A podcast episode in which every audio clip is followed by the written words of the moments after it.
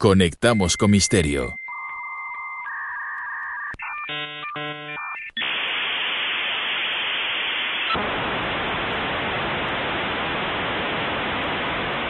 Radio Campus Cultura y presenta Atlantis Stellae.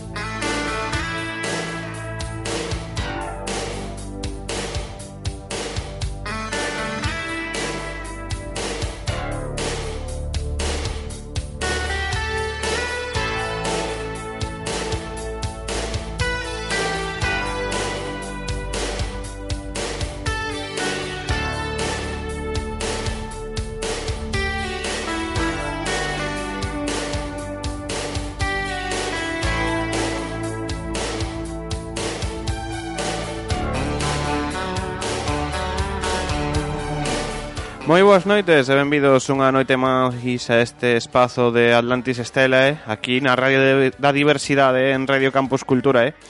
Esta noite, esta nave do misterio en miniatura que durante unha hora e media vos acompañará aproximadamente ata unha e media da mañá pretende viaxar durante o tempo e o espazo a lugares recónditos, a momentos nos que podemos considerar momentos que podemos considerar tanto tráxicos como históricos.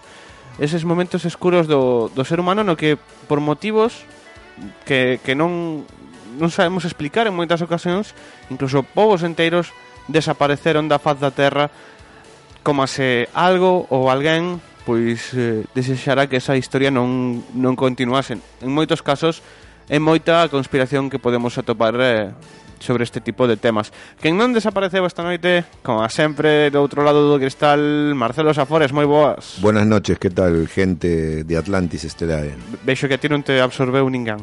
De momento, pero no descarto la posibilidad. ti, ti non te deixas absorber a non ser que paguen ben. A ver, yo estoy dispuesto a ser abducido, pero bueno, quisiera saber primero a dónde me quieren llevar, claro. Claro, non vai a ser que sexa un lugar peor. Hombre, claro. Que en sí desapareceu, pero bueno, está a outro lado do, da liña de Skype neste caso é Germán Valcarce, o noso historiador particular. Germán, moi boas. Muy buenas. Como andamos? Mm, Bien, aquí intentando arreglar la Vespa para poder viajar. Bueno, Ten cuidado co condensador que as últimas veces eh, deu problemas, eh? Bueno, bueno, a ver, a lo mejor acabo viajando durante el transcurso del programa. Creo que hoxe sí, ¿no? Que vas viaxar eh, ata mm, ata a antiga Roma. Sí, hasta la antigua Roma, a, la le- a buscar a la Legión Novena Hispana. Pois se che parece, podemos ir comezando xa con esa con ese viaxe da desa lexión Por Romana. mí, sí, Roma, que el nombre le viene porque fue fundada en, en Hispania, no porque haya gente de Hispania en ella. La fundó Pompeyo y fue una legión realmente conocida por ser aguerrida, combatiente, estuvo con Julio César mientras estaba en Hispania, estuvo luchando en la guerra de las Galias con Julio César, estuvo luchando en la conquista de Britania con el emperador Claudio, y es aquí donde empieza todo a complicarse, porque de repente en Britania se le pierde el rastro y aparece en su lugar la sexta, la sexta legión. Hace unos años encontraron algo que podía parecer un altar consagrado por la novena legión en lo que hoy sería el norte de Holanda. Pero es a partir de ese momento, nos encontramos ya en el 100 después de Cristo, que se dice que hay un papiro, un pergamino, que mandó a la novena legión a, a Persia, a luchar contra los persas, pero no se sabe nada más de ella, ni si llegó, ni si perdió, nada. Desaparece de los registros, por completo. Cabe sinalar, Germán, que, home, non son tan historiador como a ti, pero unha lexión romana eran miles de homes. en la época en la que se funda esta legión podrían ser unos 6.000, 7.000 hombres, más o menos. Mm, Difícil para esconder tanta gente, ¿no? Ah, Pero es Bueno, certos partidos sacan tanta xente, pero non a fan desaparecer. A mí lo que me preocuparía, bueno, no, no, no digo nada mejor. Podes, podes dicir, dicir No, sí, sí, di, di. No, a mí lo que me preocupa es que esos 6.000 o, o los otros que han desaparecido, que esa gente aparezca ahora el 1 de octubre por Cataluña. Y venga, claro, apareza mañá, ¿no? Aí a votar. pero bueno, Pues eran Cuidado, que non podemos... de- Ten razón Marcelo, eh, de Germán? Germán, ten razón Marcelo, non podemos facer eso porque teóricamente estamos en xornada de reflexión.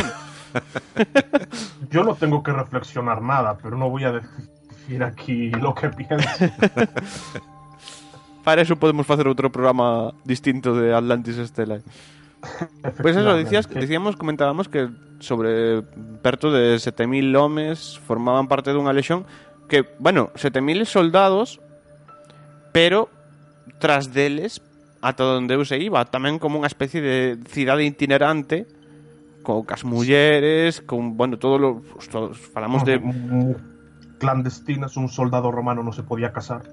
Sí, bueno, é verdade, pero eh, está demostrado que, bueno, detrás deles, detrás dunha lexión, pois iba todo sí. un, unha caravana eh, Sí, porque claro, sí.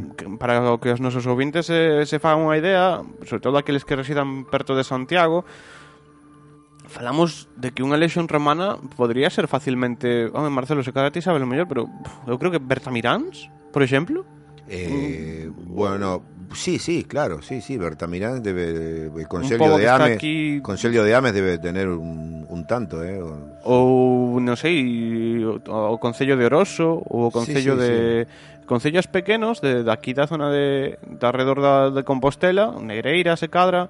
Claro. Negreira creo que son 6.000 persoas ahora claro, mismo, o sea que pueden estar Claro, xente que de fora de Galicia se cadra non se fai unha idea, pero falamos de mm, concellos, povos enteiros e, e pode que incluso algo máis grande que Negreira, porque, repito, se falamos de 6.000 soldados, pero mellor entre mulleres, eh, ferreiros e demais, o mellor detrás dunha lexión podían ir Claro, esa gente llevaba logística, obviamente. 10.000 ou 11.000 Sí, sí. personas. Perfectamente, y claro, no se sabe que fue porque el último, realmente el último registro que se tiene es de que está en Britania. Lo de Holanda es simplemente un altar que encontraron y que después se dice que los fueron hasta Asia. Pero no se, no se sabe qué fue. Chega o momento de... Dime, dime, dime, Germán.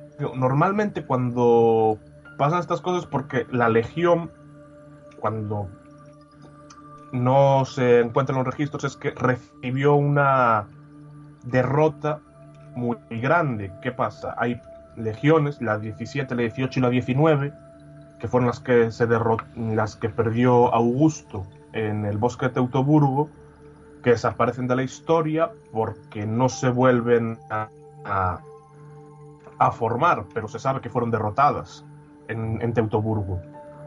Sin embargo, la novena no se sabe ni dónde fue derrotada ni qué pasó. Y eso es lo, in- lo raro, porque aunque no vuelva a haber una legión novena por respeto a la anterior que fue derrotada, dime dónde, qué pasó con ella. Y es lo que no está en ningún lado. Todo un misterio, ¿eh, Marcelo? Uf, yo es que mientras lo escucho a Germán, eh, nada, pienso, pienso en todas las hipótesis, ¿no? Em- para empezar, el- con, con el sistema de comunicaciones que habría en aquella época, eh, controlar un poco los movimientos sería un poco, era, un- era un poco prácticamente imposible. Pero por otra parte, eh, también pienso que esa gente, eh, a lo mejor en algún momento se pusieron todos de acuerdo y dijeron, bueno, nos vemos chicos a la vuelta y se fueron. Pero ¿no? falamos de poñer de acordo... Mi madre, eso sería un, un éxito de convocatoria. Eso sería un éxito, Hombre. pero maravilloso. O decir, nos quedaría... deserción de 6.000 6.000 soldados Sí, máis todo, como comentábamos antes, máis toda a logística que levan detrás o que hayan sido exterminados. eh, e, e non se saiba nada. y no, claro, y que no sepamos nada porque, bueno, Home, non sei ata que punto Roma era dada a ocultar información dese tipo, pero Claro, falamos de moita información, eh? falamos Tamén dunha que derrota importante, eh, sería unha das máis grandes derrotas do exército romano. Sí, sí, sin duda. Lo que pasa que, bueno, a lo mejor ellos tampoco querían que se supiera que habían sido derrotados. Eh, en el hipotético caso de que hubieran sido derrotados, ¿cuánto demoraba Germán cualquier tipo de información en llegar a Roma en aquellas épocas? Depende de dónde eh, fuese derrotado exactamente. Pero si es derrotada en Persia, un par de meses, fácil. ¿Solo un par de meses? La noticia. ¿Cómo, Sí. cómo, cómo se- cómo llegaba la noticia? ¿A través de gente con un sistema de postas? Sí, en- normalmente desde Persia en, en barco. Y desde la Galia, por ejemplo, a caballo. Sí. A caballo. Tamén tiñan unha especie de torres de sinais, ¿no? E cousas polo estilo para comunicarse Sí, a longas ah, distancias. Normalmente enviaban mensajeros. Claro, bueno, que así Sí. o único que se me ocurre sería que, vamos, que, que non quedara ninguén unha mm, execución masiva quién sabe, pero pensándolo, cuando dijo ahora Marcelo lo de que de repente se hubiesen puesto todos de acuerdo y se hubiesen largado, en un principio puede parecer que es algo como se van a poner de acuerdo más de 6.000 personas, Claro, no sé claro. qué. No es tan raro si tienes en cuenta que durante todo el imperio muchas legiones, por ejemplo, a Galba, cuando murió Nerón, Galba era un general de una legión.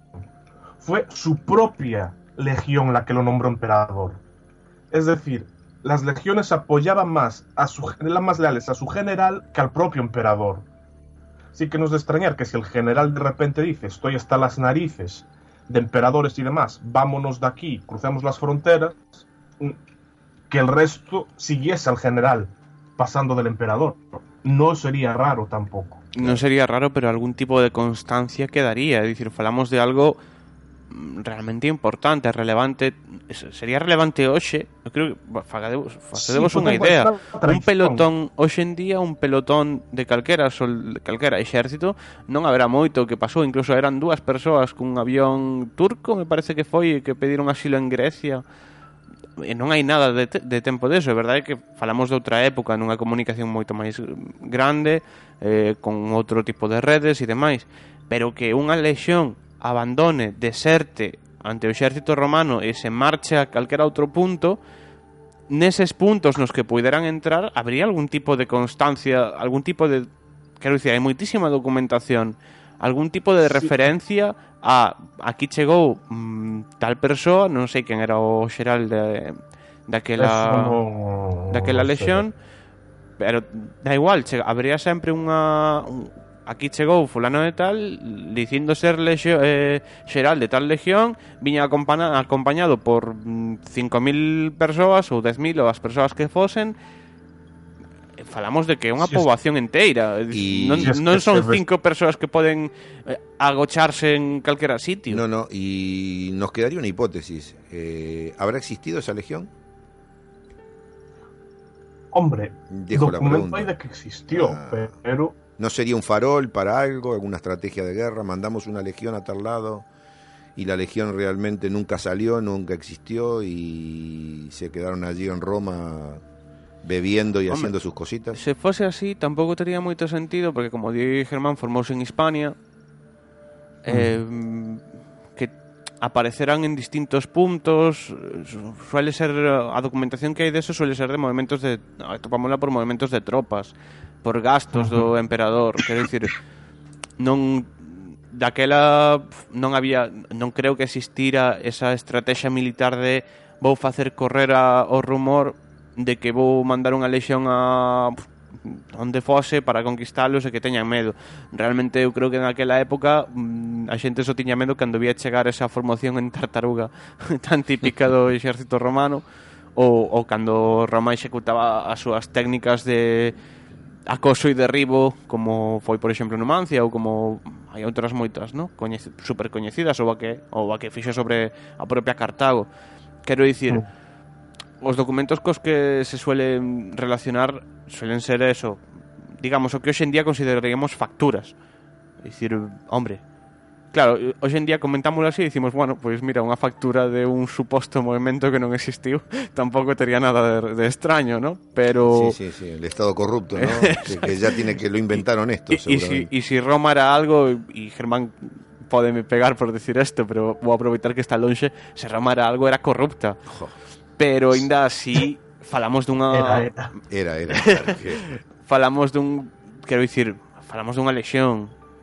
Sería unha, quero dicir pareceme pouco probable esa alternativa. Se cadra é, é viable, eh, Marcelo, quero dicir, non, non a quero descartar, quero dicir que a min personalmente pareceme pouco factible que non existira. Mm, claro, hai que buscar unha explicación. hoxe, hoxe creo que aquí non vamos a topala, pero eh, a, a explicación de que non exista pareceme mm, non sei, pouco viable. A da deserción complexa tamén, dende un punto de vista de que ou se dividiron e, e, e foi unha elección na que houve algún tipo de motín e houve un problema interno e acabou rompendo en mil anacos e cada quen marchou polo seu lado e non que quedou que non quedou constancia, que eso sí é unha posibilidade, ao fin e ao cabo se chegan 100 ou 200 soldados e non din nomes e sepáranse e tal a- aí sí que Bueno, puede haber habido una batalla y fueron diezmados y los que quedaron Escaparon cada uno escaparon a como dirección. pudieron o fueron hechos esclavos y ellos además llevaban su gente, las mujeres habrán sido apropiadas y las riquezas o lo que llevaran, digamos, de, de bienes materiales para eso. O que pasa é que y- tamén quedaría constancia no, non por parte de Roma, pero sí por outros povos. Germán, podesme lembrar, porque ahora mesmo non me acordo en que ano estamos falando da, desta novena lexión romana? Eh, lo último que se tiene constancia de ella es en el 120 después de Cristo cuando llega la Legión Sexta Victris a reemplazar a la novena hispana y años después se dice que puede estar en Holanda. Estamos hablando del 120-130 después de Cristo, Hombre, más Rom- o menos cuando se pierde A Roma ainda lle quedaba moito tempo de eh, ser a ama, doña e señora, pero ainda así eu Estamos en plena época en expansión dorada. romana, sí. ¿Cuándo cae Roma? No 453, Germán. Se- 76. Bueno, claro, le quedaban todavía le 200 y moitos pico de séculos años. de, de historia, claro. pero ainda así eh, calquera pobo que, se, que eliminara unha lexión romana completa eh, presumiría dese feito. Quero dicir, sí, eh, eso sí. Mm, é algo como para fijadevos que aquí precisamente en Hispania temos a Aníbal, Aníbal puxo a Roma contra as cordas e inda que Roma despois venceu coñecemos ese feito de que Aníbal chegou a, incluso ata, ata Roma algo por certo extraño, chegou ata Roma e dixo "Eh, me cansé, me voy No me gusta. non lle Eso es de los grandes misterios de por qué pudo destruirla y no lo hizo. Bueno, a lo mejor era un romántico y dijo, joder, destruir todo esto, esta belleza, ¿qué van a visitar los turistas del futuro? si yo me cargo todo esto.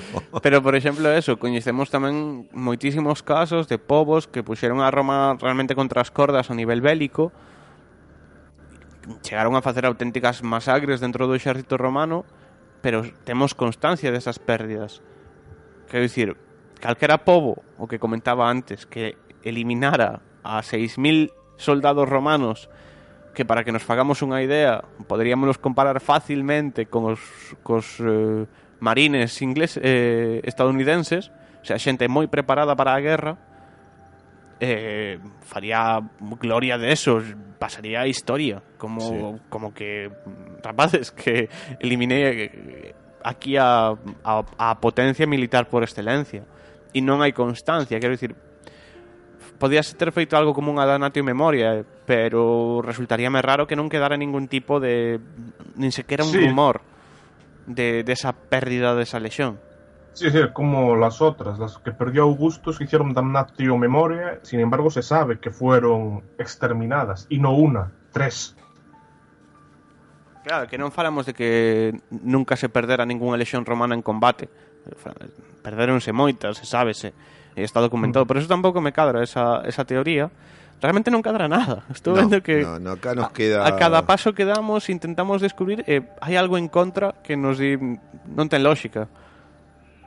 Nos queda siempre los fenómenos paranormales como última alternativa y pensar que, bueno, que esta gente en algún momento atravesó a outra dimensión. la delgada tela que separa dos dimensiones y en este momento pueden estar correteando en algún otro lado. Bueno, eles non creo xa, pero Bueno, no se sabe porque a lo mejor en esa otra dimensión el tiempo es diferente. pero sí que un, un que caso sería bueno que apareciera algo de eso, ¿no? Que volvieran algún día, que uno, no sé. ou que se atoparan restos que foran clarificando, sí, Oh, eso. algo hai algo extraño nesa nesa lexión. Germán, creo que nos traes outro caso, tío Xeves moi bélico.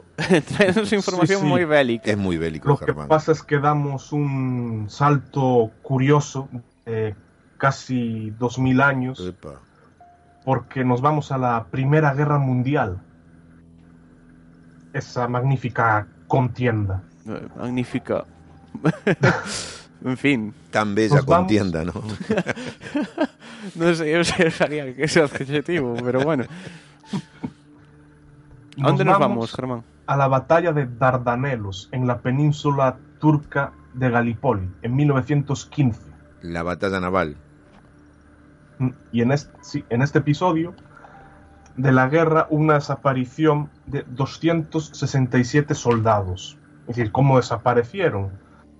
Pues resulta que a media mañana los soldados empiezan a ver una nube en la colina, una nube de niebla, niebla que se puede formar normal. Deciden asaltar la colina, 267 soldados británicos, y cuando se disipa el resto del pelotón, que no fue, cuando se disipa la nube, ya no hay soldados. El batallón Norfolk, que eran esos 260 soldados, había desaparecido. Una vez que acaba la guerra, el gobierno exige a Turquía que devuelva los rehenes o los cuerpos de los soldados del batallón Norfolk. Y Turquía dice, nosotros no hemos encontrado ningún batallón Norfolk. Home, pareceme iniciamos xa a tertulia sobre este tema, o noso intercambio de argumentos. Home, pareceme máis doado que desaparecen 200, 267 dixeches, Germán, eh, sí. que 6.000. A, a nivel matemático é máis viable. Pareceme tamén viable neste caso que Turquía dixera que no, nos non temos nada de que dices, non sabemos nada, e se fixeran un pouco sí, sí, os ya, suecos. Ya sabemos como son los turcos, que son muy... Fanse moito os suecos, os sí, turcos. Sí. Entón, pareceme tamén viable. Quero dicir, é extraño igualmente, porque, quero dicir, se estás nunha negociación de intercambio de prisioneiros e demais, tamén te interesa a ti recuperar posiblemente os teus homes. É, é extraño mm, tamén esa, esa desaparición. Lía, cando preparaba este, este programa, que se falaba ao mellor dun algún tipo de explosión eh, por acumulación de gas e, bueno, que esa, ese batallón quedara eva, mm, evaporado. Algo que, por exemplo, non se me ocurre en Roma, no caso do, que falábamos antes No, da, da novena legión romana. Neste caso, pois, eh, unha bomba, unha explosión puido quitar ese batallón do Ah, medio. Sí, Llevarse porque- 267 hombres con una explosión, tiene que ser una explosión en aquella época contundente. ¿eh? Sí, sí. La Primera Guerra Mundial no sé si había... Non son un especialista en armamento. P- Podíamos traer algún día un especialista en, en armamento militar. Sí, sobre todo si estamos hablando de que no queden restos, ¿no? O sea, una explosión puede matar 200 o 300 personas, pero obviamente quedarían allí los cadáveres y se podrían juntar y comprar y contar, ¿no? Pero mm, que haya una desaparición así tan misteriosa es un poco es un poco raro, ¿no? Sí, tal como describen la gente que lo vio, pues bueno, no fue, fue un batallón. como Ey, fue de- ¿gusta echar radio? Sí, me gusta. Un pequeno bup técnico. ¿Qué estás tocando, Jonathan? Nada, nada, nada, perdón, non pasou nada. Sigue, Sigue, Germán. Sigue, Germán. Sigan, sigan. de Avanzadilla. Claro, tal como describes que cuando en entraron en la niebla y cuando se disipó el batallón no estaba. O sea, pero nadie habla de ningún sonido de explosión ni que hubiese pasado nada, simplemente desapareció, no vieron nada más. En una nube. Aquí ese Sí. fenómeno ovni, pero 100%, ¿eh? Sí, sí, sí, sí, sin dudas, ¿eh? O sea, una nube ingresa en la nube y de la nube después se evapora y no queda nadie. Parecerá che broma, pero a mí non me parecería nada extraño, porque Mm, totalmente. quero dicir moitas veces falamos de desaparicións de unha persoa, de dúas personas, que bueno, pode haber algún tipo de alucinación. Neste caso, falamos de que se sacaron de medio 267 persoas. E Estes non levan xente detrás, quero dicir, é un batallón que iba a unha misión e desaparece porque sí. Non non hai unha explicación posible. Ni hay rastros. Nin hai, en principio que eu saiba, non. No, porque yo de lo que estuve investigando y demás, el gobierno británico pidió los cadáveres o los rehenes, en su caso, tras acabar la guerra, a Turquía. Y Turquía dijo que no tenía ni idea del que, de qué le estaban hablando, que no había encontrado nada. Tamén me gustaría que pensáramos neses, imaginadevos, creo que pensemos nese momento da negociación. Ta- Imaginamos aquí a, non sei, catro homes ingleses, catro turcos, ten alrededor dunha mesa, un pouco así como en estilo Corea, sabemos a sala onde se negociaba con Corea que teñen a mesa incluso dividida pola mitad. eh, eu imagínome a un inglés que di, oye, e que falamos do batallón Norfolk? E os turcos como, que? ¿De qué estás hablando? ¿Y este de dónde sale? En esa época no estaba Erdogan todavía, ¿no? No, que os saiba. No. Podía, eh? Pero no. En fin. O que sí podemos comentar é que hai, hai un gran secretismo, sempre comentamos de do militar que hoxe en día, que a súa tecnoloxía, o que ocorre dentro dos exércitos, pois que a poboación civil non non se entera moitas veces, non? Eh, vemos que non é algo novo. Quero dicir, dos dous casos que nos presentou Germán, eh, mm, os dous estaban moi relacionados co exército, bueno, totalmente relacionados de feito co exército. Claro. Non é algo únicamente estadounidense ese secretismo, sabemos que son moitos os soldados que desaparecen en Estados Unidos por misións, bueno, están en terreos eh, realmente complicados, estiveron sempre en guerras moi complexas, Irak, Vietnam, non son territorios eh, doados de explorar nin de moverse por eles, pero vemos que non é algo novo, quero dicir, ese tipo de desaparicións é algo habitual e ese secretismo tamén é algo habitual. Bueno, pero los americanos por lo menos cada tanto descodifican y... ¿No? No sé cada cuántos años es que liberan la información. Sí, é verdade, de feito houve recentemente unha desclasificación de Eso, documentos CIA. desclasifican, no decodifican. Pero bueno, supoño que tamén desclasificarán o que a lles interesa desclasificar. Sí, pero bueno, yo que Quero sé, dicir, non creo que este ali un funcionario e diga ah, xa pasou tanto tempo, estes papéis teñen que sair á luz. E o mellor dentro deses papéis hai algún documento que pode mm, procurar algún tipo de problema, eu imagínome que ese documento misteriosamente seguirá estando seguirá estando clasificado. en la en la nube. Non sei vos que opinades, pero eu creo que sí, que eso, ese secretismo militar vai ser moi difícil que se entre, que se descubra todo nunca, porque non lles interesa. E en caso de que algún día se descubra, desmentirano e teremos ese conflicto de quen di a verdade e quen minte. Sí, todo lo que esté eh, asociado a la estrategia militar muchas veces donde están los americanos siempre va a tener ese, esa pátina de, de, no turbia que hace que se sospeche de todo, ¿no? Y estamos hablando que no sé si lo hablamos en algún otro programa de si el hombre en realidad llegó o no a la luna o fue un montaje, si las torres cayeron o fue un atentado, las, bueno, no sé. Entonces, claro, todo donde haya rollo militar y allí estén metidos los americanos, uf, es difícil de... Neste caso non eran americanos, Bueno, eran ingleses e turcos, pero, bueno, igualmente pero los- falamos do exército claro, en pero xeral. lo- Los ingleses ya en la Primera Guerra Mundial ya estaban, digamos, un, eran formaban parte de los aliados y bueno. Eu antes de, mm, de pasar a publicidade, eh, quería comentar outro caso, así moi por riba. Mm. Antes de tal, porque os que eu traio despois están máis relacionados ca, ca aeronáutica. Eh, estábamos ahora falando de, de grandes grupos que desaparecen. Eu estaba preparando este programa e atopei un caso que tamén é abraiante, que é o caso dunha aldea esquimal que, bueno, uns cazadores... No leí, no leí. Lichelo ti tamén, verdad?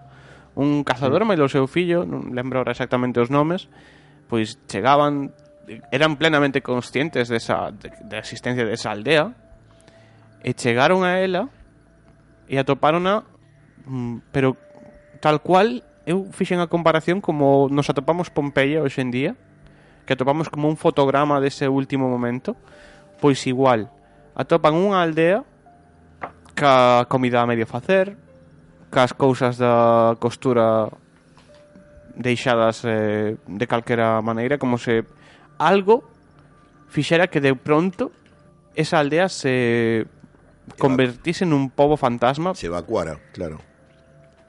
Pero non había nada. Eh, eles comentaban que todo estaba ben, que non había ningún tipo de mm, traxedia natural ou que que non pasara nada, nin sequera había restos de sangre, que, bueno, podías dicir, pois, oi, a un dos habitantes desta aldea mm, deu un brote psicótico, provocou pánico e ali escapou todo o mundo e aquí paz e despois gloria. Pero mm, que non había ningún tipo de rastro de porque mm, nada que explicara esa esa, esa desaparición tan tan extraña. Falamos de, de, de que se evapora. Despois falaremos de na aeronáutica entran en xogo outro tipo de de circunstancias, pero neste caso falamos de unha lexión, un pelotón ou unha aldea que de, en cuestión de horas non, non hai ningún non hai ningún tipo de, de constancia deles. Yo, mm, cuando leí lo de la aldea también, lo que sí leí que encontraron fueron los cadáveres de los perros. Es verdad. Nada más. É verdad? De los humanos no había nada. Pero estaban los cadáveres de los perros. Eso sí que es un poco llamativo, ¿no? Mm. Porque ademais se falamos dun ataque Quero dicir E ademais creo que os cans aparecían en, en posicións así como moi extrañas Como Sí, intentaran fuxir de algo. Oh, No, non cerca do, do pobo E o mellor falamos que non sei, Germán, ti tes acceso ahora mismo a, a Google e podémolo, podémolo buscar, pero eu creo que falamos o mellor de 60, 100 tamén, 100 habitantes, máis ou menos o que podía contar esa, esa aldea, entre 50 e 100 habitantes, inda que houber algún tipo de ataque terían que quedar restros, er, igual que falábamos antes co, co pelotón. É moi difícil desfacerse de 50 cadáveres sen deixar ningún tipo de mm, rastro de sangue nin de nada. E máis falamos en que precisamente os esquimais non se caracterizan por ser mm, povos guerreiros.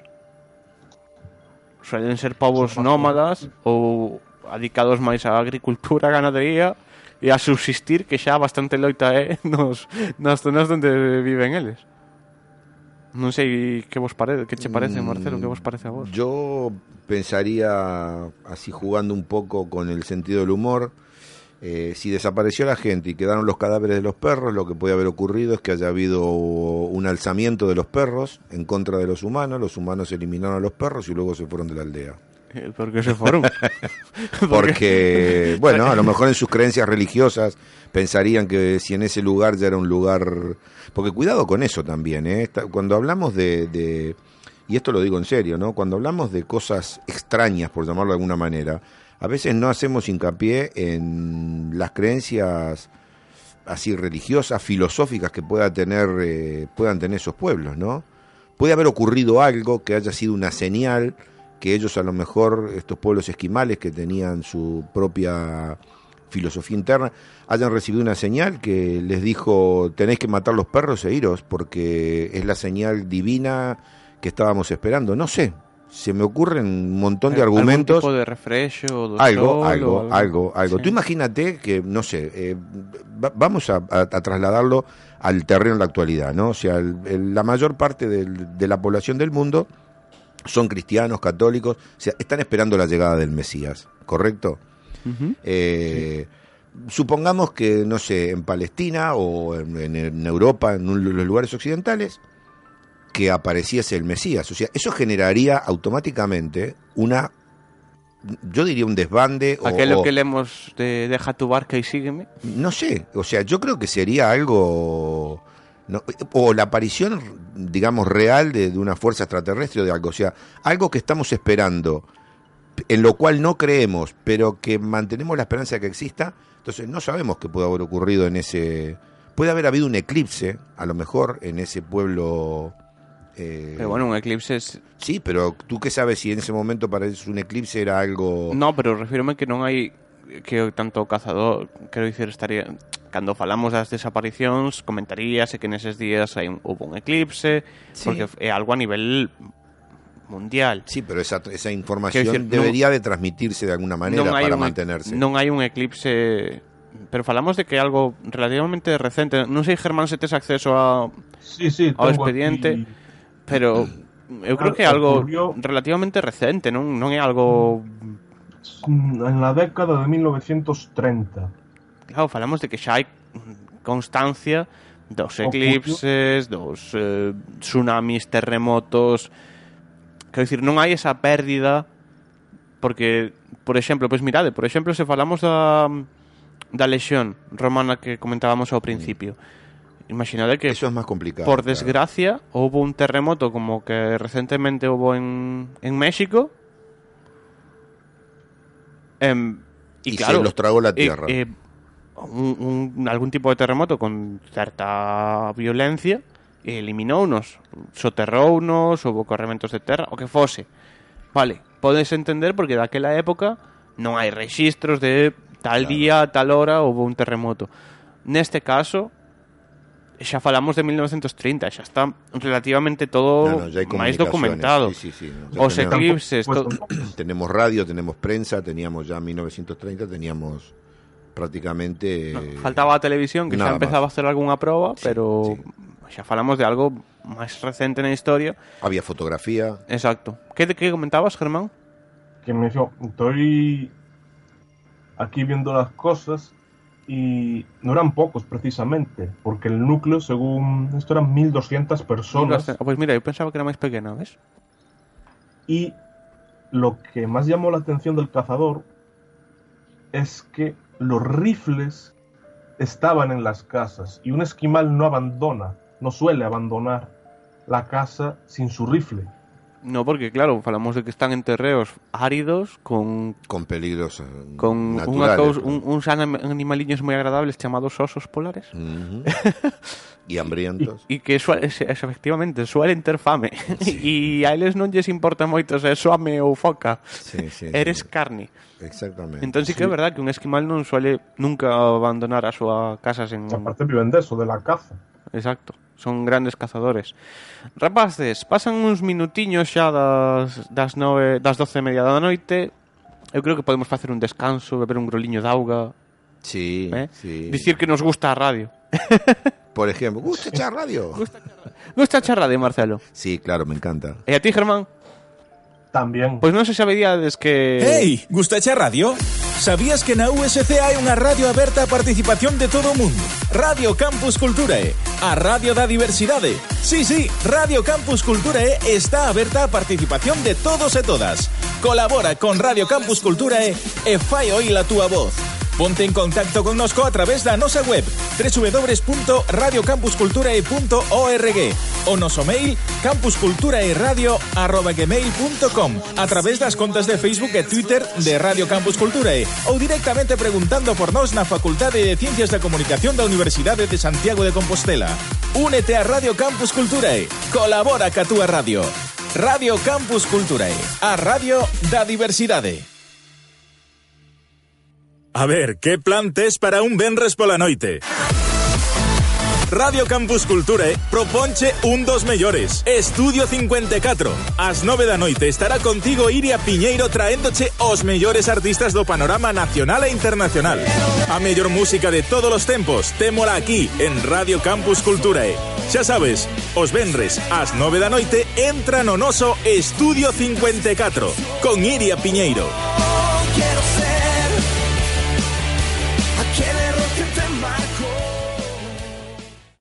Radio Campus Culturae. Radio Campus Culturae.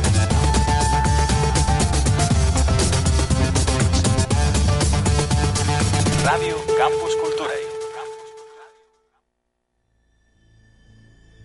Se queres porte en contacto co programa, faino por medio das seguintes vías. Correo electrónico atlantis.estelae.rcc.gmail.com ou búscanos tamén no Facebook Atlantis Estelae.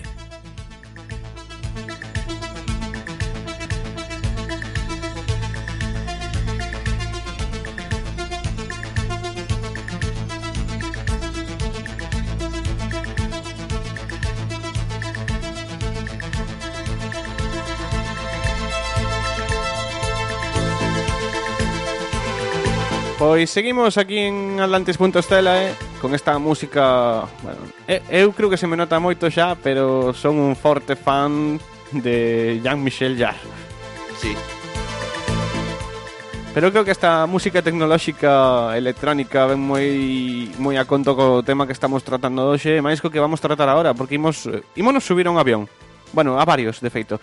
A avións que se perderon.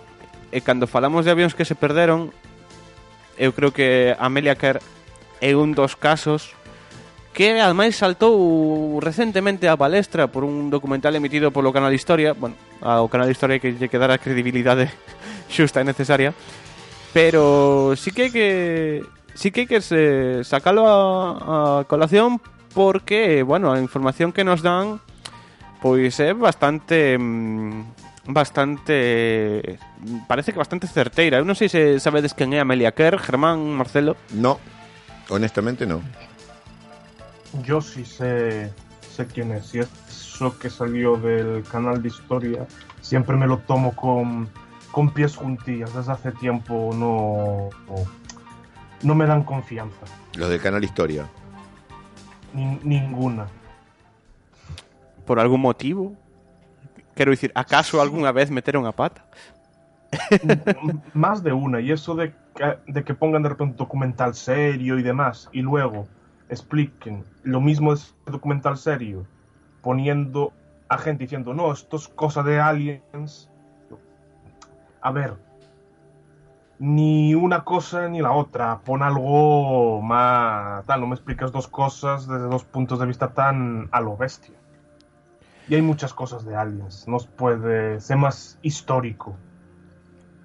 Bueno, pois imos falar deso, de Amelia Americar, que foi unha muller que naceu en Kansas, en Estados Unidos, o 24 de xullo do ano 1897 e que desapareceu no Océano Pacífico 2 de xullo do ano 1937 Foi unha aviadora célebre polas súas marcas de, de voo, foi, tivo moitísimos récords de velocidade, de altura, e tentou facer o que nunca fixera ninguén ata aquela, que foi unha viaxe alrededor do mundo seguindo a liña ecuatorial. Pasou a parte da súa infancia en Kansas cos seus avós maternos que nos lle proporcionaron un estilo de vida cheo de comodidades.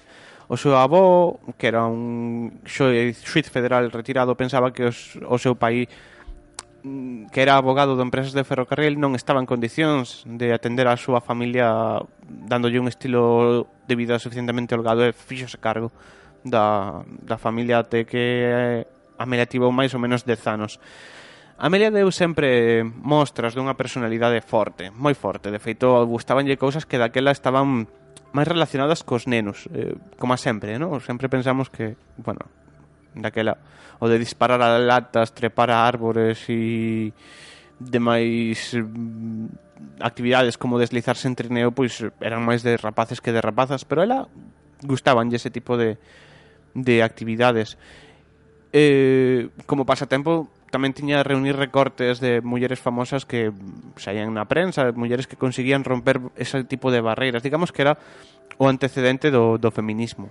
Unha muller que estaba disposta a, a loitar de igual a igual polas oportunidades cos, cos homes, algo que na súa época era realmente avanzado. Cando tiña 10 anos, tivo a oportunidade de ver o seu primeiro aeroplano nunha feira estatal. Precisamente a xove expresou nese momento que o aparato non era máis que algo feito de cables oxidados e madeira, que non tiña nada de interesante. Curioso, tendo en conta que despois se dedicaría a voar. Durante a Primeira Guerra Mundial enrolouse como voluntaria xunto ca súa irmá na cidade de Toronto onde atendía os, pilotos, os pilotos feridos en, en combate. E tamén puido visitar un campo do Corpo Aéreo Real. Segundo ela mesma declarou pois foi ali precisamente onde onde lle picou o gusanillo de, de voar. En 1920 Amelia asistiu a un espectáculo en Long Beach e quedou prendada definitivamente polos, polos abordos, ah, polos avións conseguiu que levaran nun biplano durante 10 minutos sobrevoando a cidade de Los Ángeles e dixo despois que foi naquel momento, xusto cando despegaban, cando decidiu que tiña que voar. O resto da súa vida que tiña que dedicar a, a voar. As súas primeiras clases obtivo as dunha piloto pioneira tamén e conseguiu adquirir incluso un prototipo dun aeroplano chamado Kindle, o que ela rebautizou como Canario, e, e tivo algún que outro susto cal era normal, porque falamos dunha época na que, bueno, os avións non eran precisamente o de hoxe en día. Hoxe en día ir en avión está demostrado que é máis seguro que ir en, que ir en coche. Hai menos accidentes de avión que de coche. Tamén é verdade que hai moitos máis coches que avións, pero bueno. Hai menos por probabilidades de morir en un accidente de avión que en un accidente de coche e, e menos accidentes tamén, tamén. que de coche. Bueno, o caso é que esta muller no ano 1923 obtivo a licencia de piloto na, na aviación federal. Era a 16ª muller que, que a conseguía.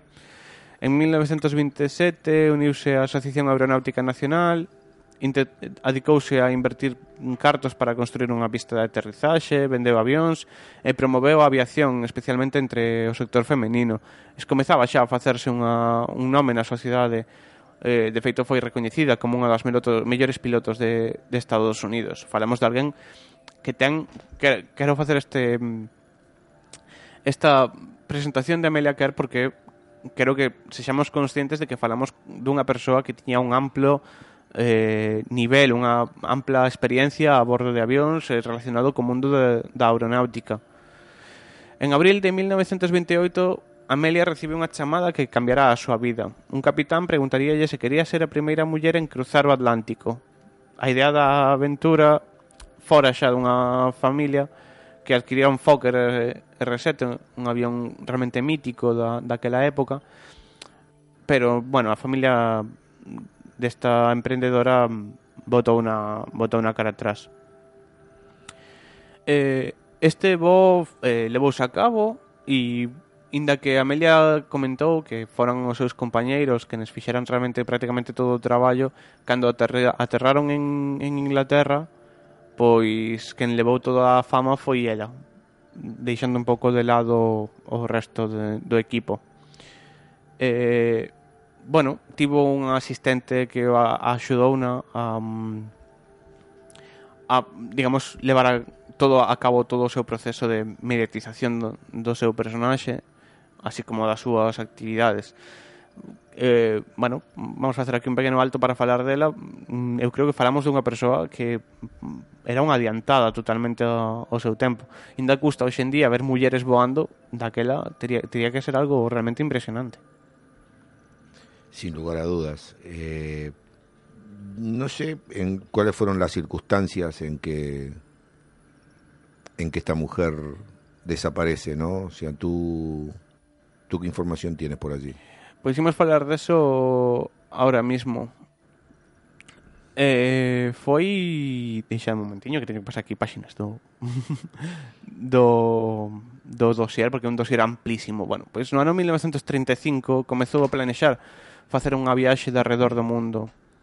Eh, se chegaba a conseguilo, iba a cumplir dous mitos. O primeiro, a primeira muller en facer esa viaxe, e o segundo, a maior distancia recorrida no ao, de arredor do, do, do Ecuador. Segundo Amelia, ese era o bo que lle quedaba por realizar.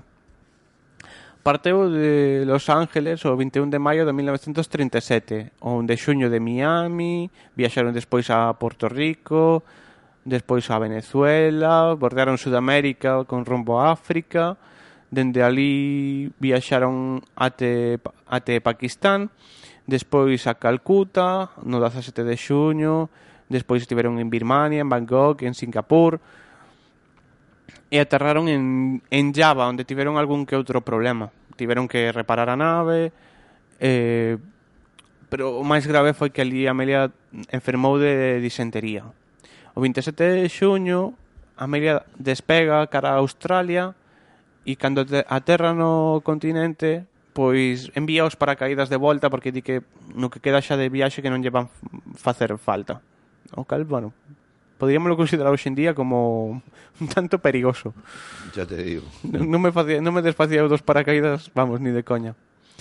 Bueno, chega a Nueva Guinea con 35.000 kilómetros, máis de 35.000 kilómetros percorridos e uns 11.000 que lle quedaban por percorrer para dar a volta completa. Eh, aquí as fotos que se atopan mostran a unha Amelia Kerr eh, agotada, enferma, secadora xa non estaba en condicións de, de voar. Eh, despega de Nueva Guinea as, o 2 de xullo de, de ese mesmo ano e crese que o avión tiña uns 2.000 galóns de combustible que lle darían aproximadamente unhas 20, 21 horas de, de voo. O que pasa que as, a situación atmosférica non era a mellor para semellante mm, viaxe. Non había moitas nubes, moitas turbulencias. Dende que despegou, mm, acordouse que mantería comunicación cun barco guardacostas, que sería quen iría monitorizando a súa ruta. Eh, comunicouse ás 7 da mañá, ela despegara ás 12. Eh, a 7.20, GMT reportou a posición a 232 km ao sudoeste das Illas Tucumán, ás 8 da tarde comunicou que estaba eh, en rumbo a outra, a outra das illas a 3.750 metros de altura, que todo iba ben, pero non, a Nucumano concretamente. Despois houve outra serie de mensaxes curtas, pero non se chegou a poder ubicar o, a, a súa posición porque eran mensaxes demasiado breves e non eran quen de, de saber onde estaba. Ás 19.30 GMT recibiuse un reporte que dicía que terían que estar en riba do barco guardacostas que estaba monitorizando a súa viaxe, pero que non o vían. O eh, e aí Amelia informou de que o combustible estaba se agotando. A, as oito e cuarto da tarde, hora GMT, o guardacostas recibe unha última posición e as nove e media determinaron que o avión posiblemente se estrelara no, no mar eh, estableceuse que o aeroplano caería a 56 km entre 56 e 166 da isla de Jauland. e fixos unha búsqueda incluso financiada polo polo eh, o goberno dos Estados Unidos con 29 barcos, unha morea de avións e, e demais medios para atopar o corpo o, o avión que incluso se pensara que podía flotar eh, nove barcos e 66 avións, perdón, que me equivocaba. Eh, pensárase incluso que o avión podía flotar se estaba valeiro de combustible, mm, pero nunca se topou absolutamente nada. ¿Qué Eh, profundidad hay en el mar donde se supone que cayó el avión? Aproximadamente uns eh, entre 1500 e 2500 metros. Eso va a aparecer el día que venga una gran sequía y baje tanto las aguas como ocurre en Puerto Marín y quede al descubierto todo lo que está en el fondo. O tema é que nunca se topou ningún resto do avión, nada, absolutamente nada. Como comentaba antes, pensouse incluso que o avión podía flotar, estaba valeiro de combustible e podía podía flotar. Entón, O raro é que, estando a 56 km da costa, estaba relativamente cerca da costa dunha da isla de Jaulana, uh -huh. que, por certo, anos despois construiu un faro en homenaxe a Amelia Kerr. Eh, o raro é eso, que nunca se atopara nada, absolutamente nada, nin restos do avión, nin... Sabedes que, bueno, recentemente, eh, por exemplo, outro piloto coñecidísimo por todos porque foi o autor de El Principito, tamén desaparecera no mar. E anos despois atopouse o restos do avión, incluso unha pulseira do, do, propio, do propio piloto. Quero dicir, sempre acaba aparecendo algo. No caso de Amelia Kerr nunca apareceu absolutamente nada. Por eso empezou todo o misterio. De feito, por eso dicía que recentemente saltou á palestra toda a historia de Amelia Kerr porque apareceu unha foto na que se a, vese a unha muller de espaldas que coincide cas características de Amelia Kerr e tamén aparece o seu navegante. E supónse, a teoría é que foi capturada por os, polos xaponeses e que morreu en nese cautiverio. O Xapón négao, obviamente. Pero sí que se ve nesa foto, Germán creo que podes acceder a ela, podela buscar en, en Google, recomendo aos nosos eh, ouvintes que a busquen tamén. Intentaremos publicala nas nosas redes sociais.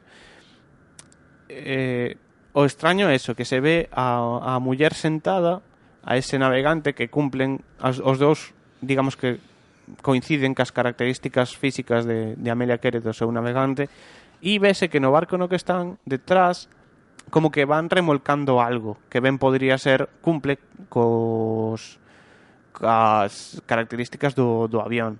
Entón aí hai certa conspiración de que efectivamente Xapón puido mm, ter algo que ver na desaparición desta Porque además estamos hablando dun avión pequeño.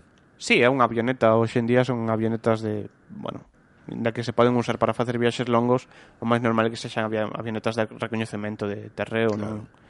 non son avións tipo Boeing 747, son bueno, avións pequenos. Pero tenemos un caso más reciente que es el avión de Malasia, Sí, o avión de Malasia tamén é un caso moi particular do cal aínda non temos eh, prácticamente información de que, No, no, que no hay puido nada, ser o que... claro. No se han encontrado restos porque Sí, sí están aparecendo restos, apareceron un, apareceron xa algúnas pero se partes. comprobaron que eran Sí, de sí. ese avión. Malasia xa, rec- Malaysian Airlines xa recoñece que, em, que desas apareceron seis pezas, tampouco que aparecera gran cousa, apareceu un, uns flats que son as eh, partes que facilitan o despegue e o aterraxe do, do avión e xa se recoñeceu que polo número de serie e por demais eh, características pois que eses eh, restos pertencían ao avión de Malasia. O que non se sabe todavía é como é posible o que o que lle sucedeu a esa aeronave, esa pérdida total de comunicación sen ningún tipo de explicación, tamén que, mm, bueno, mm, eses, eh, esa suposta, ese suposto vuelo sen control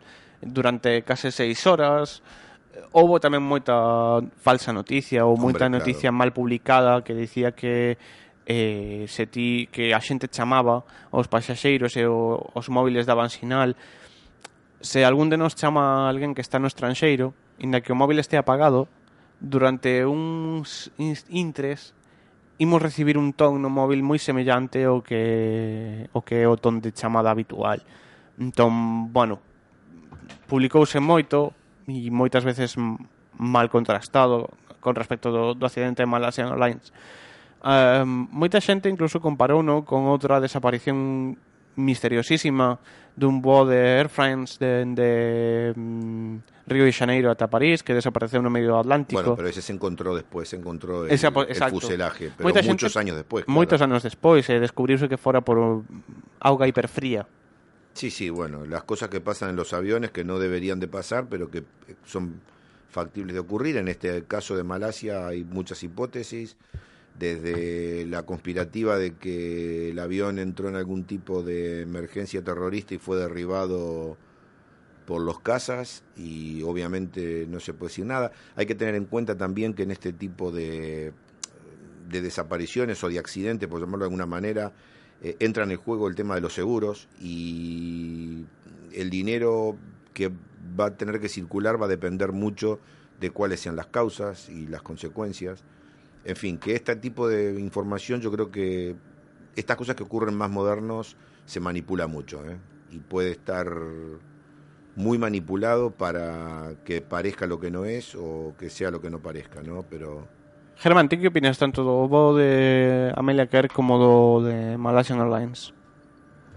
A ver, lo- en lo de Amelia es.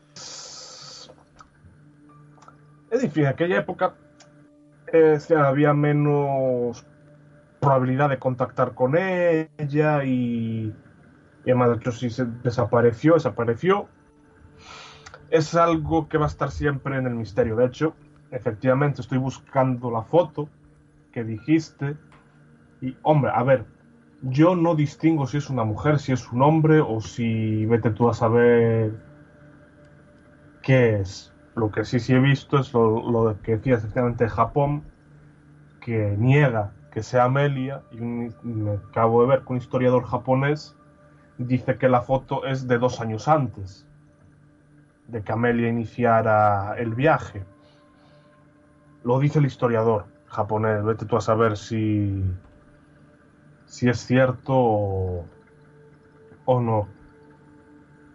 Home, Y lo de no Malasia que comentábamos es más- antes, de fiarnos ou non de quen conta a historia. Claro. Un, un historiador xaponés non vai dicir sí, mm, nos capturamos e asasinamos a unha Bueno, superheroína decirlo. estadounidense. Podría decirlo, pero siempre va a quedar esa duda, ¿no? De si nos está diciendo. Pero la os verdad. xaponeses eh, teñen un sentido da patria moi forte, Marcelo, non van tirar pedras. É moi raro que tiren pedras contra o seu propio tellado. Mm.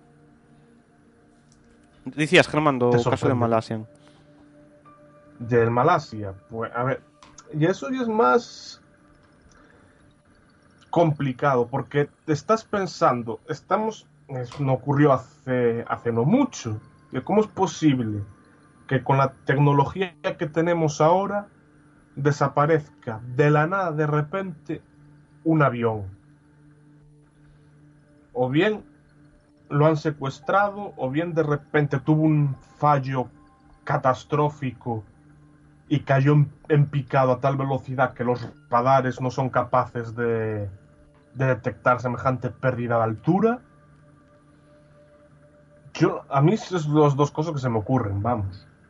Sí, sí, es un caso, para mí es un caso bastante raro, sobre todo por el tema de los radares. Es decir, el avión puede haber volado de manera errática en otra dirección o algo, pero la desaparición de los radares, hasta donde yo sé, para desaparecer de los radares, un avión debería volar a no más de 50 metros del, del suelo, una cosa así.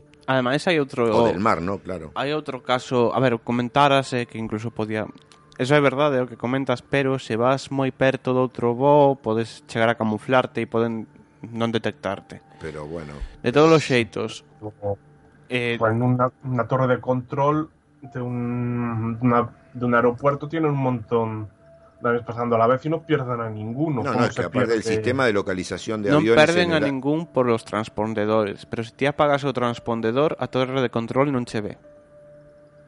¿Y por qué motivo un avión comercial va a pagar el transpondedor? Ah, Bueno, amigo. Ah, bueno, eso claro. ¿Eh? Puede entramos haber en montón. historia. Claro, puede haber una, una ver- estrategia que Mirade, dicen... Hai unha explicación lóxica que sería unha descompresión eh, seguramente explosiva eh, ou algún tipo de erro a hora de mm, regular o, o oxígeno en, en cabina, vale? Nese caso, recordade que hoxe en día falamos, creo que era un Boeing, sí, un Boeing 777 Sí, sí, un avión. Falamos de avións moi modernos, tecnolóxicamente moi ben dotados. Falamos de avións que prácticamente poderían despegar, voar e aterrar eles sós, vale? Entón, que poido haber un problema? Sí, perfectamente. Podo haber unha descompresión de, da cabina, eh, falecer ou nun primeiro intre quedar inconscientes todos por hipoxia, uh -huh. vale? Ou problemas de respiración. Eh, o comandante tentar, polo que sexa, de feito, unha das cousas que se comentou é que o avión como que viraba un, facía un xiro, creo que era de 170 ou de 160 grados, como que buscaba que saíase da ruta que tiña programada. Que, que o coman- un poco más y ya vuelve. Sí, pero se cadra non tes tempo. Cando hai unha descompresión explosiva, eh, falamos de que tes décimas segundos para reaccionar e para colocarte a máscara e tal. E eso dependendo Y, da... y perder altura, E perder a altura Claro. a gran velocidade. claro. se polo motivo que fora a tripulación perdeu a consciencia e eso é algo que xa pasou houve un voo de eh, unha compañía grega que lle pasou eso eh, se a tripulación perde a consciencia o avión non lle pasa nada pode seguir voando, ten combustible mentre teña combustible eso vai para diante está a unha sí, altura sí, sí, de crucero. Está en piloto automático, por supuesto, vuela hasta que se le acaba. Ata que se lle acaba o combustible, non pasa nada. Ainda que se lle acabe, vai planear, co cal vai ter aí unha distancia bastante longa tamén para quero dicir, mm, seguramente media hora máis de do que se lle acaba mm, o combustible, non fai unha caída en picado. Eh, entón, por que comento isto? Porque se houve algún tipo de problema, eh, ese avión voou sete horas por encima do mar. Vai estar en calquera sitio. Claro, pero ese avión volando, eh, aunque tuviera apagado el transpondedor, como dices tú, eh, se, se puede localizar por intermedio de otro tipo de radares. O sea, si bien las torres de control eh, tienen ubicados a los aviones por el sistema, digamos, de comunicación que tienen los aviones con la torre, que es un sistema particular, digamos, porque ellos lo tienen que tener así para poder regular el tráfico, para saber que un avión no va por la ruta de otro y, y Ujú. que se van a chocar. Pero en el caso de que eh, yo supongo que se tiene que activar un protocolo, desaparece un avión y automáticamente se dará aviso a alguna autoridad que lo buscará por otros medios. Sí, Es pero hai que decir, ter en conta que Hombre, siete horas volando- Océano Índico Sí, apenas está cuberto por radares, no sé eso yo, ¿eh? no estoy tan seguro. teóricamente. Teóricamente. Eh, Germán, xa sabes que aquí no noso búnker non temos acceso a internet, pero eu creo que en, tamén yo, podemos comentámoslo e que a xente o busque unha vez que nos escoite. Eh, que puede haber poco tráfico sobre el Océano Índico también es cierto. pero hai claro, un, eu creo que o Índico é un océano que apenas está controlado por radares, que, porque extensísimo e eh, de feito mm, hai menos radares do que a xente pensa. Porque no medio do mar é moi complicado poñer un, un radar que te detecte. No, no, sat- pero detectar vía satélite. y lo- pero bueno, son los satélites con los que te ubican. pero non é exacto ese sistema de detección. Entón, bueno, é complicado. Sí que é verdade que hai datos de que os motores estiveron funcionando máis tempo do que en principio se pensara, porque envían diagnósticos a, a Rolls Royce ou bastante misterio que separación aparecendo Malaysia Airlines. Eu creo que seguramente bueno, hai varios, hai documentais que falan do, do Malaysia Airlines con expertos en aviación e, e demais. Eu recomendos eh, expertos do, da Comisión do Transporte de Estados Unidos e demais comentan que o máis probable é que houbera unha descompresión súbita da cabina que a xente perdera o coñecemento e que non lles dera tempo a, a reaccionar igual que pasara como como de que comentaba antes da, da liña aérea grega. Desaparicións hai moitas. Marcelo, eu creo que ti tamén tens algo preparado. Yo traía algo preparado. Pois se che parece, imos facer outra mínima, mínima, mínima sí, señor. pausa. Saímos un metiño, venimos... bebemos un pouco de auga e... y... Y volvemos con un poquito de música y algo de de Pues- gente que se ha marchado y no ha dicho a dónde. Pois veña, vimos de contado. Cal é o sitio perfecto para ver o deporte? Agrada. E para escoitalo? Pois tamén. Vive o deporte como hai que vivilo e onde mellor cho contan. Agrada. Cada mércores dende as 8 da tarde en Radio Campus Culturae. Todo o deporte contado dun xeito diferente dende o punto de vista da grada. Lembra, todos os mércores ás 8 da tarde a Agrada en Radio Campus Culturae.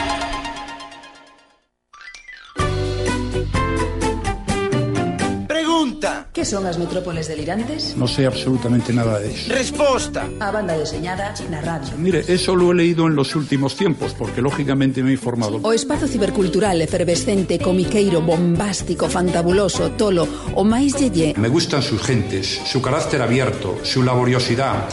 Son emprendedores, hacen cosas. Xa sabes, se si te interesa a banda deseñada, escoitas Metrópoles Delirantes, o programa máis pimba e delirante da radio. No parece un razonamiento moi brillante. Algún día nos reconocerán este trabajo.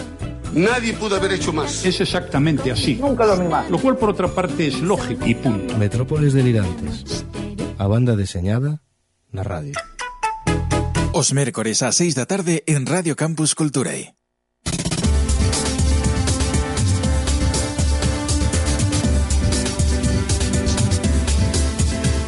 Radio Campus Culturae.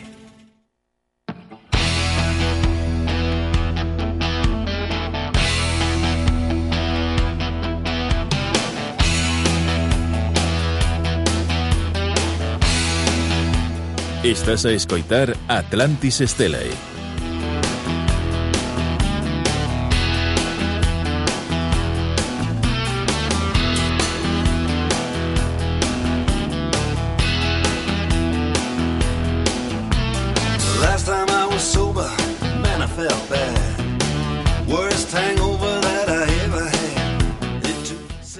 Dicía, pois despois deste momento así un tanto tal, Marcelo ven con enerxía, ven forte. Hombre, a ver, eh, yo dentro del rollo este de las desapariciones, bueno, de todas estas cosas que ocurren, yo me quería centrar un poco más en las desapariciones personales, ¿no? Porque si bien cuando hay estas desapariciones masivas, bueno, los ejércitos, los aviones, este tipo de cosas, las aldeas, ¿no? Siempre hay ahí un poco de, de- de- de rollo, bueno, no habrá alguna cosa esotérica, una cosa paranormal, bueno, porque claro, quedan muchas Paranormal si que eres ti. Yo soy un paranormal, exactamente. El Germán tamén é un paranormal, Sí. eh, que está aí calado por detrás. Si yo soy una persona muy normal, Sí, sí. Sí, pero claro, cuando uno habla de desapariciones personales, ¿no? Y eso es una cosa que a mí siempre me dio un poco de, de rollo. Yo, hay muchísima información en la web sobre desapariciones personales, ¿no? Bueno, yo traje acá algunas que son un poco así cogidas al azar, pero que dan para, para, para, para ver un poco qué es lo que ocurre, ¿no? Por ejemplo, en el año 1980, John Reed, un chaval que tenía 28 años de edad, dejó su ciudad natal en California y se fue a Brasil.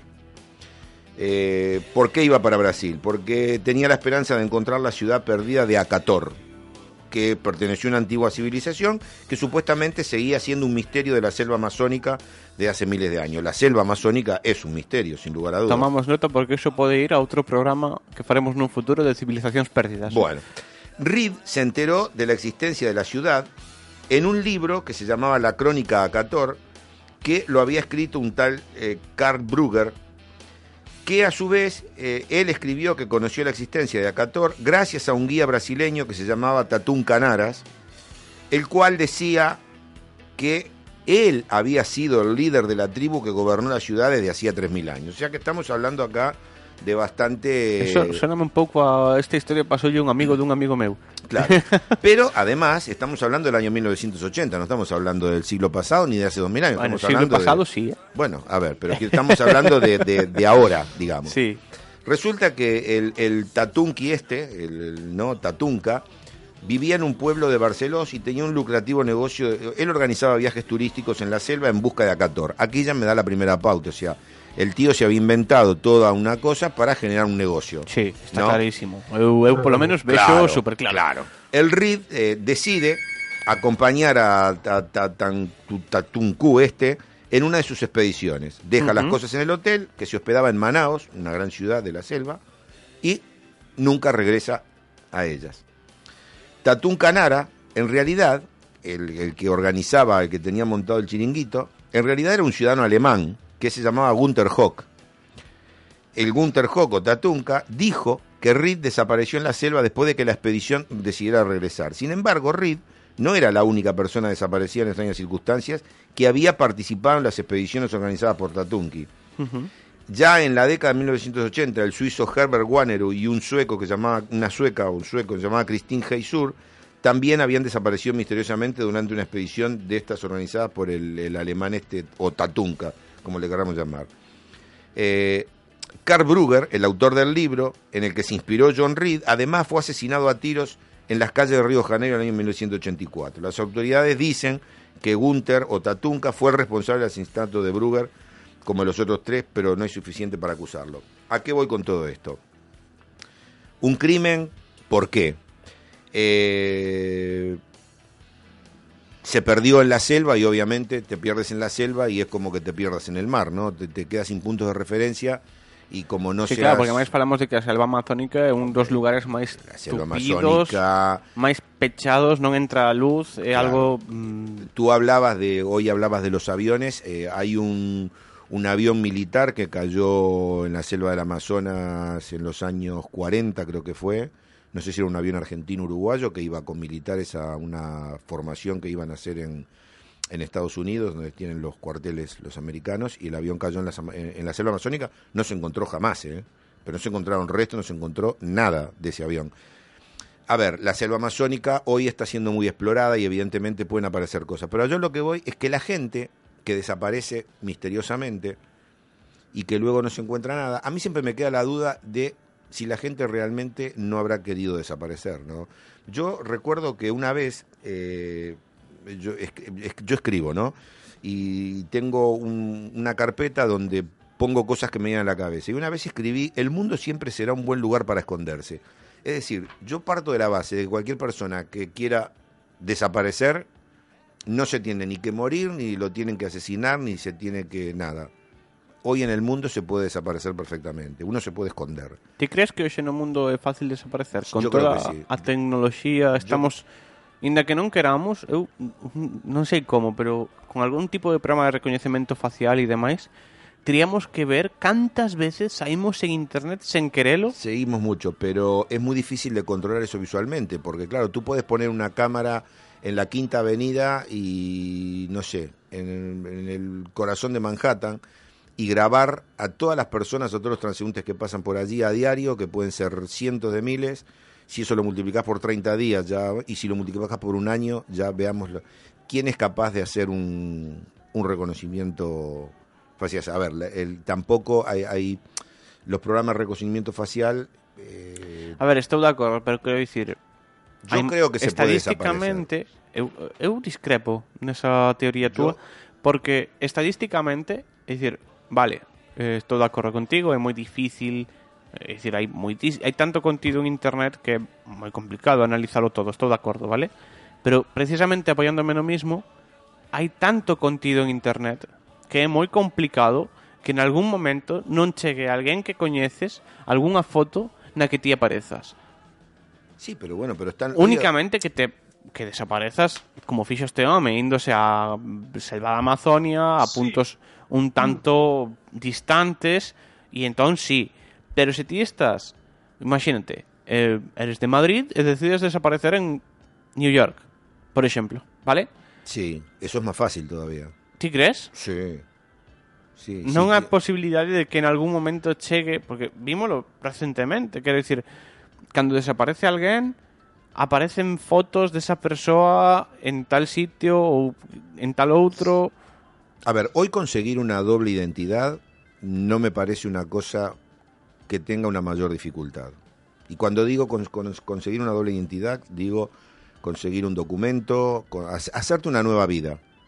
Creo que hace poco hubo un caso de un tío que estaba en México que, lo habían dado por muerto, creo, era un español, y, estaba buscado por la justicia porque había, de- hecho unos qué. El tipo se había montado una segunda vida y lo descubrieron por una tontería, porque realmente él entró en un punto de confianza de que ya eso estaba todo olvidado y generó una, una pista y por eso lo pillaron. Yo no recuerdo ahora quién fue, pero fue un caso bastante sonado y fue algo que ocurrió en los últimos 10 años. ¿no? El hombre tenía una fortuna, había robado lo que pudo, se fue a México, eh, hizo una nueva identidad y allí tenía su mujer, sus hijos, su familia y vivía como un ciudadano más.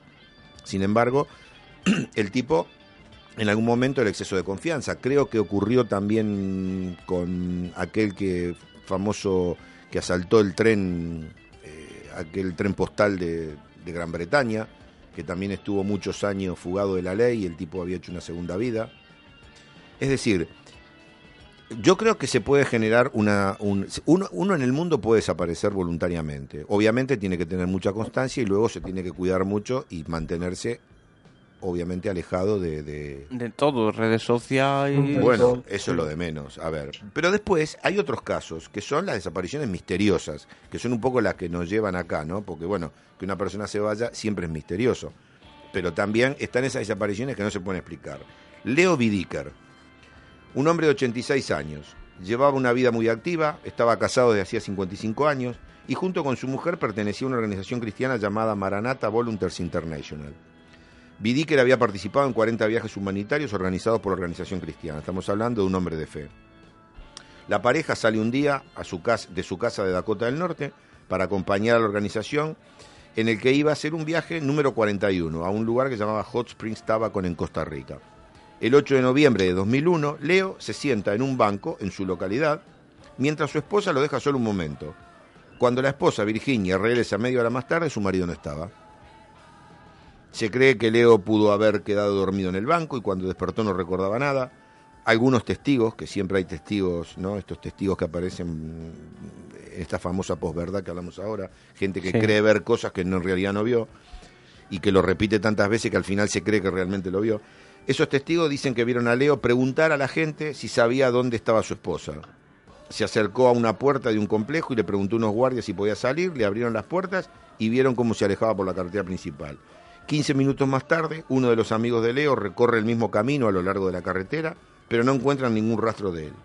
Leo no podía andar muy rápido porque además es un hombre de 86 años y había pocos lugares a los que pudiera ir. La única explicación lógica era que alguien lo hubiera raptado. Durante la operación de búsqueda la policía no pudo encontrar un solo rastro de Leo Vidiker. Estamos hablando ya de 16 años atrás y un hombre de 86 años. Es decir, cadáver no hay, obviamente, porque si hay cadáver hay muerto y hay Mm. resolución del caso. Sí. Entonces, eh, ¿dónde está este hombre? Esto sí que es una desaparición misteriosa que yo... eh, A ver, neste caso mm, é moi probable, penso eu, non o sei, porque Mm. non coñezo o caso nin, nin nada, pero penso probables dúas cousas. A primeira, eh, este, esta persoa efectivamente despertouse e, bueno, pois, por, por o motivo que fora, non lembraba nada, vale? E, bueno, pois, eh, aqueles que vivimos de perto, temos amigos que tamén o viven, uh, enfermedades como Alzheimer, sabemos que hai momentos nos que eso non están. O que se me ocurre é que alguén vira este home eh, o recollera e o levara a un tipo, algún albergue ou algunha algún asilo e esta persoa este aí ou estivera en, en que ano dicías que foi isto? Isto foi en 2001. 2001. Claro, bueno, estamos hablando que este aí, de... bueno, xa é pouco probable. Pero que o recollera, que o levaran a un asilo e que quedara aí como unha persoa pois eh, sen nome, sen identidade, polo motivo que fora. Pareceme extraño porque, bueno, se ti dis que efectivamente houve unha búsqueda e demais, pois sería raro. Claro, pues estamos hablando de media hora, no estamos hablando de que el hombre eh, pasaron 10 días y no se sabe de él, o sea, porque aquí entra a jugar siempre eh, la ecuación distancia-tiempo, es Sí, decir, a menor tiempo, menor, menor lugar para recorrer, a menos de que haya sido trasladado, ¿no? Tú hablabas al principio del programa del rollo de las abducciones. Sí. Eh, yo no sé ustedes, pero yo creo en esas cosas. ¿eh? A ver, eu... s- ma- Ni sí ni no. Pronúnciate, Pero- pronúnciate. Ni sí ni Vivimos no. en una época que hay que jugarse y hay que posicionarse. Ni sí ni no, pero eu son galego, en Marcelo. es verdad, perdón. Eh, pero o que sí neste caso a posibilidade que se me ocurre é esa que, bueno, pois que estivera despistado, que alguén o vira tan despistado que o levara a un centro médico ou algún tipo de albergue e bueno, pois polo motivo que sexa quedou aí non, bueno, non, non sei se é lenda urbana porque hoxe en día hai que ter moito cuidado con todo pero eso pasou non hai moito. Eh, a ver, ao mellor 50 anos cun xornalista que foi pasou a noite nun psiquiátrico porque se lle estropeou o coche e a mañán seguinte mm, ninguén sabía que ese home era xornalista e non o deixaron sair Hombre, pero, pero en algún momento eso se aclara. Es decir, eh, acá estamos hablando de 17 años, no estamos hablando de que esto ocurrió hace una semana.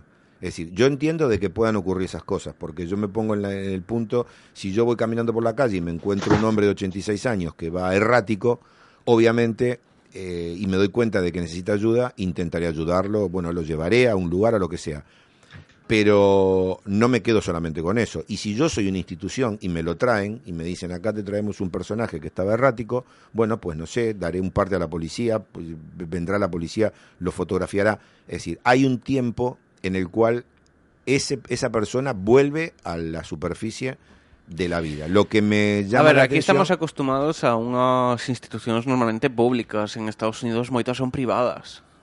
Pues, ¿Tú crees que una persona puede entrar en un lugar y se puede quedar allí sin que nadie dé un aviso y diga, mire, este entró este hombre, Eu que no sabe cómo Marcelo. no me o, o peor é que non me resultaría extraño. A mí lo que me da esto de pensar es, este hombre estaba allí y... Ti que opinas, Germán? Hombre, a ver. Es. Posiciónate, Germán. De narices, porque realmente, pienso, si el hombre desapareció, o sea, tiene 86 años en media hora, muy lejos no puede ir. Exactamente. Y tiene razón Marcelo, alguien lo tuvo que trasladar a algún sitio. Sí, a ver, en eso estamos todos de acordo. Pero después, si llega una institución pública, un geriátrico, una residencia, tal, y claro, llegas sin, sin identificar porque el tipo a lo mejor no se acuerda de nada. Si se emite una orden de búsqueda de esta persona, en plan, no sabemos dónde está y demás, yo supongo que el geriátrico o la residencia en la que está, diga, coño, nosotros tenemos una persona que no sabe quién es. Es posible que sea esta. Y avisar. Vamos, actuando con, con lógica es lo que pensaría, pensaría yo. Si no pasó eso, vete tú a saber si el- la residencia en la que estás deficiente o... Eu vou facer outro comentario. Mm. Marcelo, non sei se tes información sobre a situación económica desta persona. Mm, ese es otro detalle, que es lo que yo Un te decía antes. Claro, cuando entran no, pero a que é jugar... máis, máis sutil que un secuestro. É moito máis sutil que un secuestro. Claro, pero tengamos Porque en... Sí, eh, pero... este home marcha. Montada a idea, vale? Este home marcha, alguén o recolle e imos seguir nesa base de que alguén con un, samari un bo samaritano colleo, leva a un, a un xeriátrico ou demais, tal, vale. O, o xeriátrico dá aviso. Pode ser esta persoa? Isto é un pouco como un recoñecemento Sona moi duro, pero é así É unha persoa que nen sequera sabe quen é Casi casi como un recoñecemento dun cadáver Ten que ir alguén a dicir Sí, señores, este é meu pai Ou non, señores, este non é meu pai A ver, eh, legalmente eso lo desconozco, ¿no? Tendríamos que tener una persona o tendríamos que saberlo para poder hablar con propiedad. Deixa de Pero- comentarios, por favor, no podcast de como Pero le- legal, legalmente, eh, para que una para que un, un gobierno, ¿no? los países occidentales, los, ¿no? los- los- los que estamos acostumbrados a, a vivir, ¿no? vivimos nosotros, para que te den, eh, te eliminen, digamos, de los registros y se pueda mm, recibir su herencia o lo que fuera, eh, o tiene que haber cadáver, tiene que haber un certificado de función, o de lo contrario, tiene que pasar mucho tiempo. No, no, pero que ti estás indo por outro lado Por Eu- qué? Eu estaba indo porque se esta persoa Sí, non tiña recursos ou tiña uns recursos limitados, ainda Sí. que falamos de que participaba activamente e demais, pero podes participar activamente de forma física, pero non de forma económica. Mm, no me inclinaría yo mucho por ese lado. ¿eh? Por lo, por lo otro sí, de que pueda haber un interés económico. Sí, sí, pero que vou por un interés económico, quero dicir, imagínate que, pois mira, é unha persoa que ten un problema mental, xa mm, causado por, pola idade, vale? E eu son o seu fillo e non me quero facer cargo del. E ainda por riba os poucos cartos que quedan, eu xa sei que os vou acabar tendo. Ah, tú dices de que se hayan Eu desligado digo que non é meu pai. olímpicamente. No, no, pois non, non é. Meu pai non se acorda de min. Sí. Y las Pero huellas no estaba digitales. Con la mujer, esa es la cuestión, ¿no? Claro, y las huellas digitales. Non o sei. Non o sei, é que non sei mm, se non está, por exemplo, aquí en España ahora sí, pero en Estados Unidos creo que se non estás fichado non hai mm, No hay huellas. non hai con que comparar. Mm, no sé. Tú dices que en Estados Unidos no se ficha, no se le toman las huellas a todo el mundo para tener una No. base de datos. A non ¿Seguro? ser que estés fichado. Solamente cuando entras por algún problema. Por algún ahí problema, te- ahí sí. Te registran. Pero si no, no. A ver, Aquí en España ahora mismo vámonos, sí, vámonos pero- a un caso más reciente y que lo tenemos aquí en la Ría de Arousa. El caso de la chica esta madrileña que desapareció hace un año en el verano. en la- nos dá tempo, Marcelo. no nos da tiempo. No, queda un minuto de programa. Bueno, que nos De hemos quedado sin tiempo, no importa, pero bueno, volveremos a hablar. Seguro. Pero ese es otro caso de desaparición misteriosa. La chica de Pobre Caramiñal, no sabemos dónde está, se ha encontrado su móvil y a lo mejor para el próximo programa ya tenemos novedades, pero no creo. Non creo, é un caso realmente complicado. Rapaces, chegamos ao final. Bueno, enhorabuena. Acabouse este Atlantis Estela especial desaparecidos Eh, xa sabedes como funciona isto Chegamos a unha media de mañá, remata o programa Sabedes que podedes escutar o podcast Podedes escutar as repeticións que fai a nosa emisora Ao longo destes 15 días Eh, Por favor, comentádenos todo que vexades que pois em, demos mala información, nos equivocamos, as cousas son de outra maneira. Comentade no podcast. Yo quiero hacer un, un- un comentario. Dime. Necesito una silla nueva. Falaremos con Álvaro Sieza. Germán, A vémonos me pronto. desde a primeira temporada. Non é verdade, trouxe a Papá Noel no primeiro Pero especial de Nadal. Si tú has hecho el programa hoy desde la cama, Germán, vamos. Tú estás acostado, hombre. Rapaces, acabas isto. Vémonos dentro de 15 días. Muy bien. Gracias. Vémonos. Chao, Vémonos, chao. chao. Chao.